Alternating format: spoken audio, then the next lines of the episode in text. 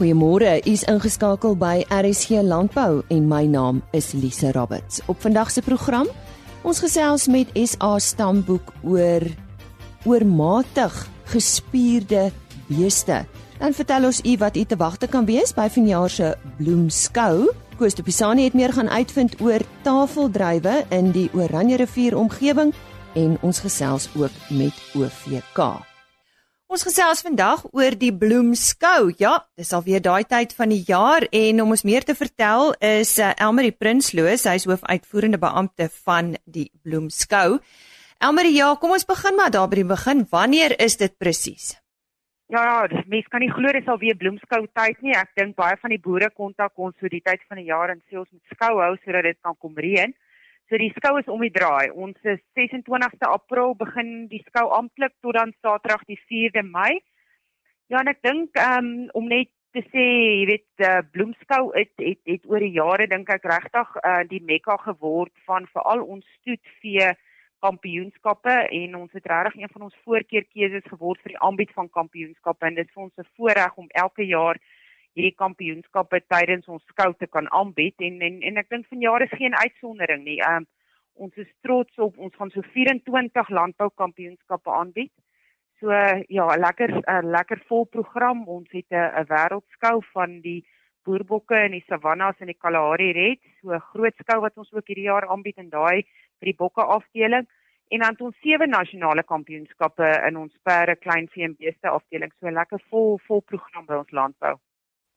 En ek weet daar's ook uh aan die landboukant uh, kampioenskappe wat jy aanbied wat net by Bloemskou gebeur. Is ek reg?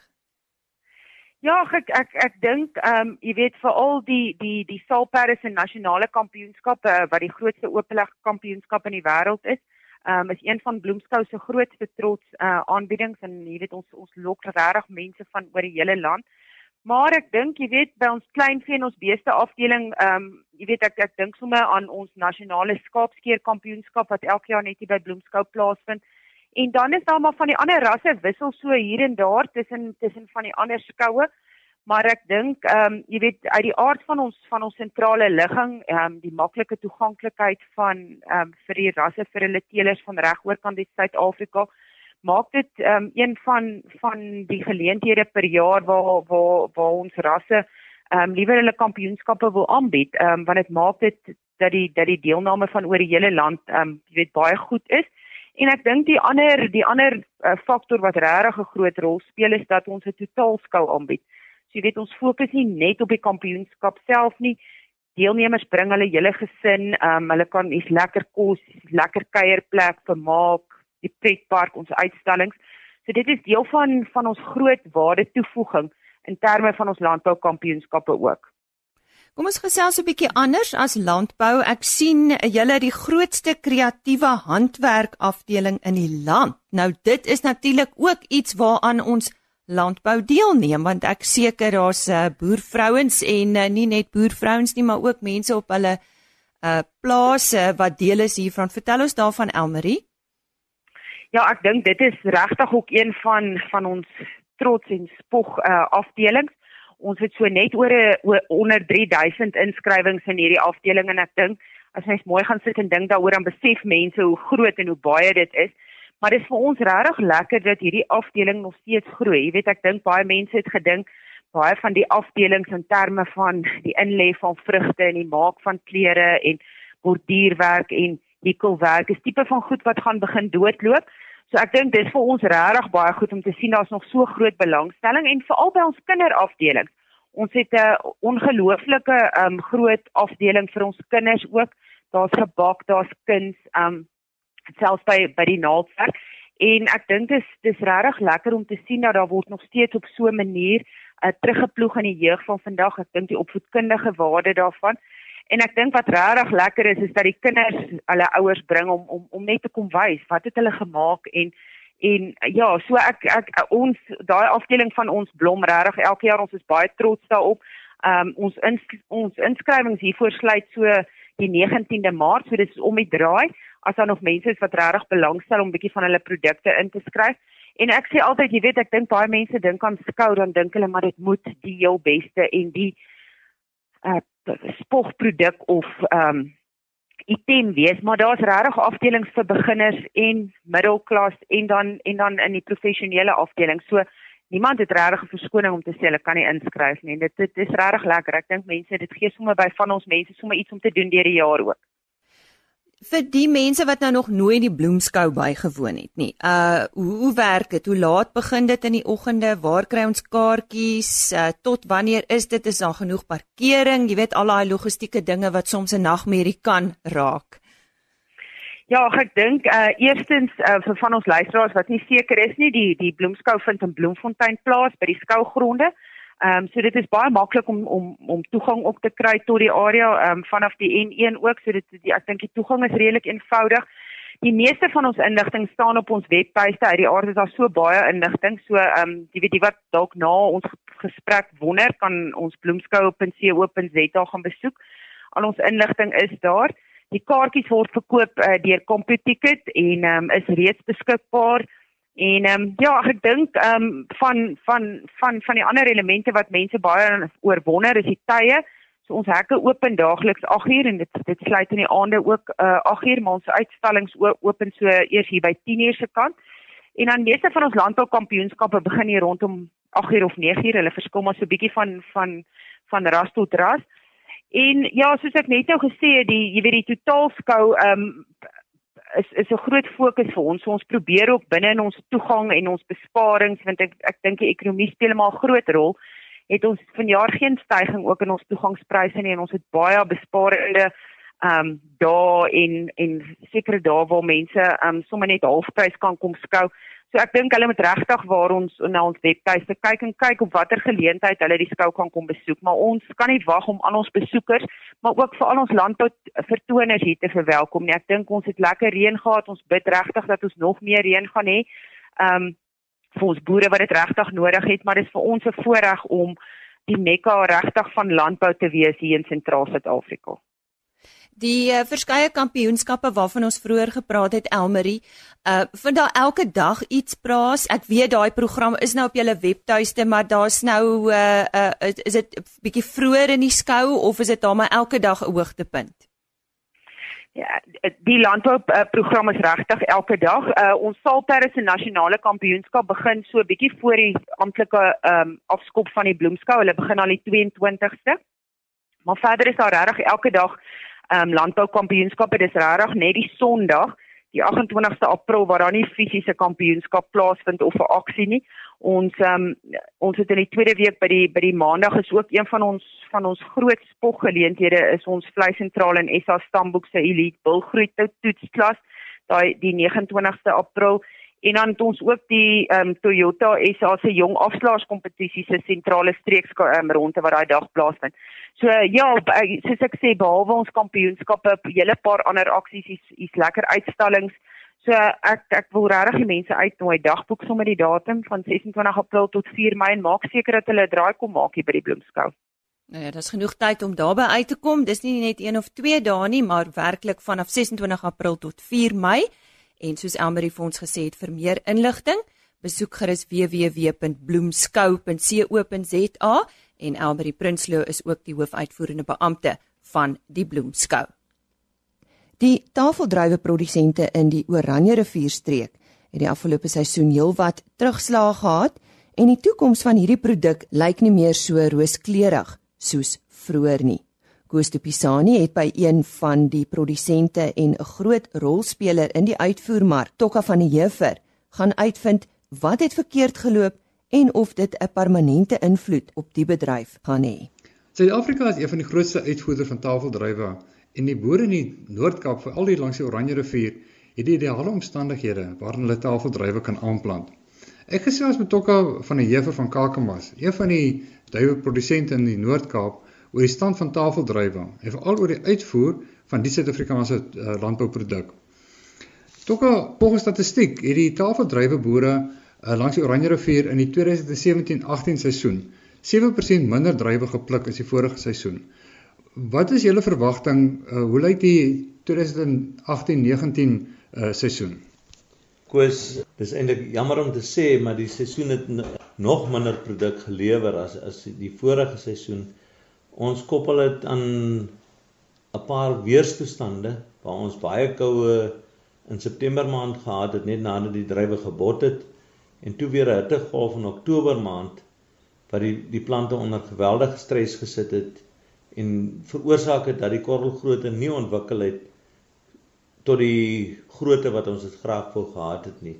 En elke millimeter wat 'n korrel groter of kleiner is, veroorsaak 500 kartonne per hektaar minder of meer. Ek sien naaste Heksrivierstreek is die Oranje rivierstreek die tweede grootste produsente van tafeldruiwe in Suid-Afrika. Ehm um, is dit nog die geval? Koos ja, ons is nog steeds die tweede grootste in die land en maar daar's ook 'n groot verandering en 'n groot verskywing.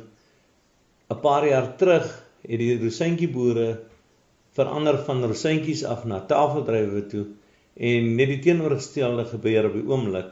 Tafeldruiwe boere is besig om om die Engelse woord te gebruik reverse terug weer na rosientjies toe. Die rosientjiebedryf het oor die laaste paar jaar baie meer winsgewend geword. Die prys het meer as verdubbel van 2017 tot 2019 toe. En alle marginale blokke wat nie meer winsgewend is nie, sal in die komende jare vir rosientjies gebruik word. Nou, hoeveel druiwe verwag julle om hierdie jaar uh, te pak? Ek dink die syfer is nog nie bekend nie. Van niemand is nog seker van watter persentasie van die druiwe van tafeldruiwe na rosientjies toe verander gaan word nie. Ons self gaan 25% van ons uh, bestaande wingerde omswaai van tafeldruiwe na na rosientjies toe. En dan sien ek ook uh, dat Peru het in die huidige seisoen byna dubbel hulle gewone um, uitvoere gehad in tafeldruiwe. Nou in Oktober verlede jaar het hulle reeds 94% meer tafeldruiwe uitgevoer as die ooreenstemmende tyd in 2017. Nou, het dit enige invloed op die Suid-Afrikaanse uitvoerders? Ja, koes ek dink Peru is 'n baie groot faktor in ons lewens, die grootste faktor wat ons nog ooit gehad het. Daar was in die klomp jare wat ek nou boer met tafeldruiwe al 'n paar spelers wat tot die mark toe toegetree het. Brasilië het op 'n stadium gekom. Daarna was Chili uh in hulle met hulle vroeë area bietjie van hulle kompetisie van ons. Hulle het ook verdwyn. Maar Peru dink ek het gekom om te bly. Peru het ongelooflike potensiaal. Hulle verskuif hulle water van die natkant na die droogkant toe van die berg en die potensiaal om vrugte te produseer is uh amper onbeperk in Peru. Nou dink jy dit gaan 'n uh, uh, invloed hê op Suid-Afrikaanse tafeldruiwe produsente in die toekoms verder? Ek dink verseker so. Ek dink my pa gebruik die woord wat sê die room van tafeldrywe is is weg en ons is nou 'n bietjie meer by die afgeroomde melk uh die laaste paar jaar. Maar ek dink uh tafeldrywe gaan regtig met goeie produksies gee en ons gaan net na spesifieke markte toe kan gaan en ons gaan nie so na die massa mark toe wat die Europese mark toe die die goeie mark vir ons gewees het in die verlede net meer kan gebruik as stortingsterrein is nie. De Pisani wat daar gesels het met Tokka van 'n Jefer oor tafeldruiwe in die Oranje rivierstreek. Ons gesels nou met OVK en met hulle bestuurende direkteur Stefan Oberholzer en uh, ja, ons hoor dat hulle vanjaar hulle 100ste bestaanjaar vier. Vertel ons 'n bietjie waar die maatskappy vandaan kom Stefan en hoe kry julle dit reg om vir 100 jaar nog in besigheid te wees in Suid-Afrika? Goeiemôre. Goeiedag en baie dankie vir die geleentheid om oor OVK te kan praat. Vicksburg Koöperatiewe Boerevereniging is op 28 Februarie 1919 gestig en was een van die vier aanvanklike koöperasies waaruit OVK ontstaan het. Die ander was land Lady Brand Landbouvereniging, Tokelaan Koöperasie en Albert Koöperasie. Karoo Oranje Landboukoöperasie, ook bekend as Skolk, het in 2004 deel van die OVK groep geword en Cape Mower en Wool ook bekend as CMW in 2014. OVK se sukses is die feit dat ons 'n boeredereksie het en dat, dat ons daarom terdien bewus is dat sonder die boer op die plaas ons geen bestaansreg het nie. Ook bela baie belangrik is die seën van ons hemelse Vader op ons besigheid. Dit vertans swaar in die primêre landbou, maar kon OVK die afgelope jaar 36,7 miljoen deur middel van 'n loyaliteitsskema aan ons produsente teruggee. Stefan, hoe werk OVK se loyaliteitsskema? Vertel vir ons. Enige bonafide landbouprodusent in Suid-Afrika wat met OVK besigheid doen, kry maandeliks loyaliteitskorting op die besigheid met OVK gedoen. Het hy dit vir wol of bokkar lewerings is, 'n Toyota voertuig by OVK se Toyota agentskappe aangekoop is, handelsbesigheid, graan of graan uh, graanlewerings of graanbemarking deur ons gedoen en vele meer. Die loyaliteitskorting word gebruik om vir die produsent OVK aandele te koop en kan die produsente enige tyd die aandeel verkoop om in geld om te skiep sodra sodra dit op sy naam is. Dit maak dat ons huidige produsente ook die aandeelhouers van OVK is en het ons tans meer as 12000 produsente aandeelhouers in hele Suid-Afrika. Hoeveel personeel het OVK in diens en hoe ver strek julle gebied? OVK het meer as 1800 permanente personeel in diens en strek ons handelstak netwerk van Steensrus in die noorde 900 km suid tot by ehm um, Willowmore en dan van Prieska in die wes weste 600 km oos tot by Elliot. En dan het ons ook lewende hawe en tegniese veldbeamptes oor feitelik die hele Suid-Afrika. Hoe sien OVK die toekoms van landbou Stefan? Ek is baie positief oor landbou ten spyte van die moeilike omstandighede tans. Want ons land en sy mense het kos nodig om te oorleef en net soos daar in die Bybelse tyd landbouers was, sal daar oor 100 jaar steeds landbouers wees. Ons het egter 'n groot verantwoordelikheid as landboubesigheid teenoor ons produsente om seker te maak ons gee uitstekende diens teen kompeterende pryse en ons bly op hoogte van wat op die plaas aangaan want soos ons slagspreuk lei, saam bereik ons meer. Nou ja, ons sê van uh, eh, RSC Landbou se kant af baie geluk aan OVK. Hulle vier vanjaar hulle 100ste bestaanjaar.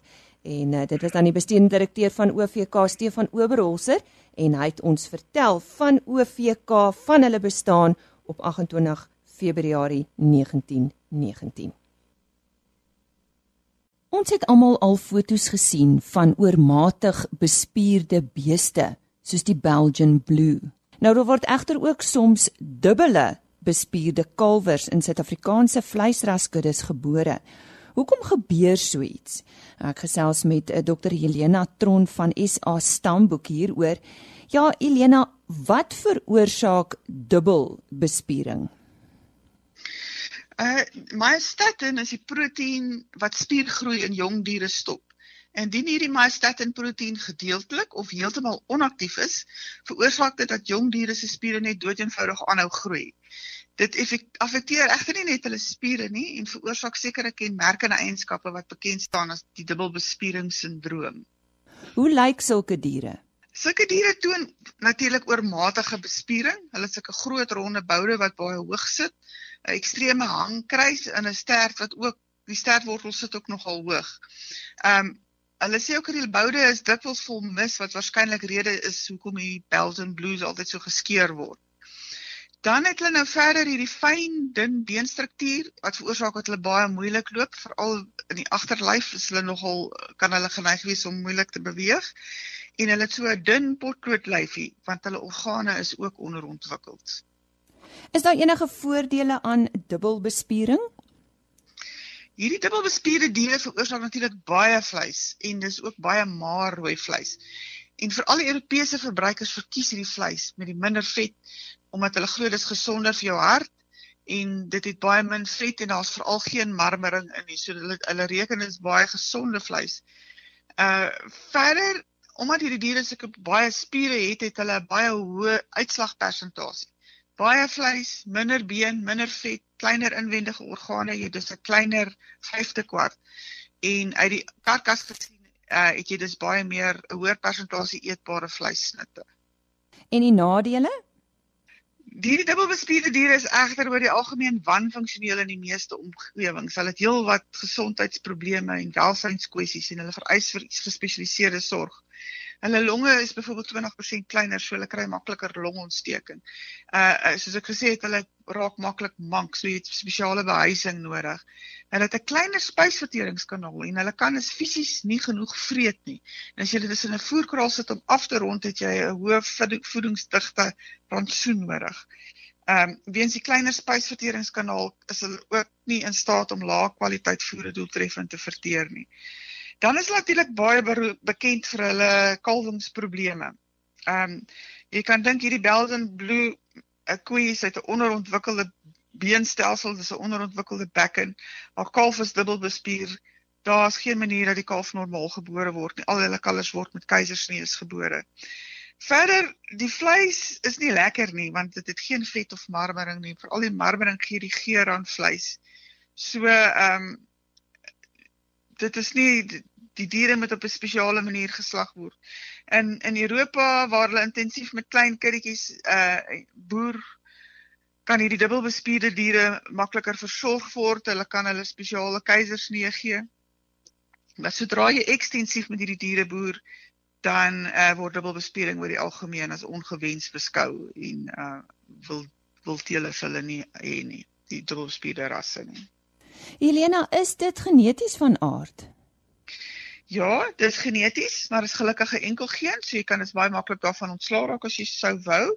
Daar is veral 3 myostatin mutasies wat op die, op hierdie oomblik baie algemeen is. Uh die twee algemene mutasies is NT821 en Q204X en hulle is nadelig. Hulle veroorsaak al hierdie simptome wat ek beskryf het. Daar is egter die F94L wat nie so erg of so nadelig is nie. En hierdie en hy het geen negatiewe effekte op kalwingsprobleme, lae vrugbaarheid of lanklewendheid nie, maar die vleis ehm um, is ook is is is beter. So en hierdie mutasie is baie algemeen in die limousine ras. Hoe hoe word hierdie dubbelbespiering oorgeerf? Mense met die myostatin geen sien as 'n stukkende geen. Hy produseer die myostatin wat werk nie. Nou sou dit die twee stukkende gene kry, een van sy pa en sy ma, dan uh, sal hy dubbelbespier wees.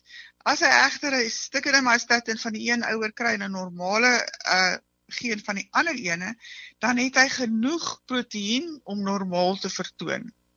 So hierdie dier het nie uh, toon nie dubbelbespiering nie en dit word resessiewe oorerwing genoem. Dit beteken ook as jy hierdie diere draer is, met ander woorde, 'n stuk in 'n myostatin geen en 'n normale een, kan jy dit glad nie aan hom sien nie. Hy vertoon heeltemal normaal. As dan nou so 'n kalf in 'n kudde gebore word, wat beteken dit? Dit beteken daai kalf se pa en sy ma is albei draers van die myostatin mutasie en daar's hoogs waarskynlik nog draers in die kudde. En dit het in die kudde ingekom deurdat mense onwetend draerbulle gebruik. Ek gaan nou nie fisieke detail ingaan oor hierdie oorerwing nie, maar wat teelers kan onthou, as jy 'n draerbul op skoon koeie gebruik, is helfte van die kalvers draers en die helfte skoon. En onthou al hierdie diere toon heeltemal normaal, maar 50% van die dogters van so 'n bul wat teruggehou word as vervangingsverse is nou weer draers. En dan het jy hierdie myostatin geen uh, weggesteek in jou kudde. Sou jy weer 'n draerbul gebruik, so met ander woorde jy gebruik 'n draerbul op draer koeie, het jy weer 'n 50% kans om draers te teel en 'n 25% kans om hierdie dubbelbespiering te sien. So jy het maar 'n 1 uit 4 kans om hom te sien as jy 'n draer bil en 'n draer koeie gebruik. En 25% kans vir 'n skoon dier. So dis uit daai skoon diere wat jy het wat jy uh kan selekteer om die geen weer uit jou kudde uit te kry. Ja, die boere wil seker nou weet hoe kan ons uh, hierdie ding toets? Is daar 'n toets vir myostatin status en en moet die hele kudde dan getoets word? Ja, daar's 'n toets. Jy kan 'n toets, jy kan dit ook saam met jou genomiese toets op hormonsters uh doen.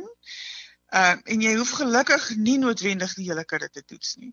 Uh as jy net skoon bulle gebruik, sal jy nooit enige dubbelbespierde kalvers uh gebore word in jou kudde nie al jy draer koeie.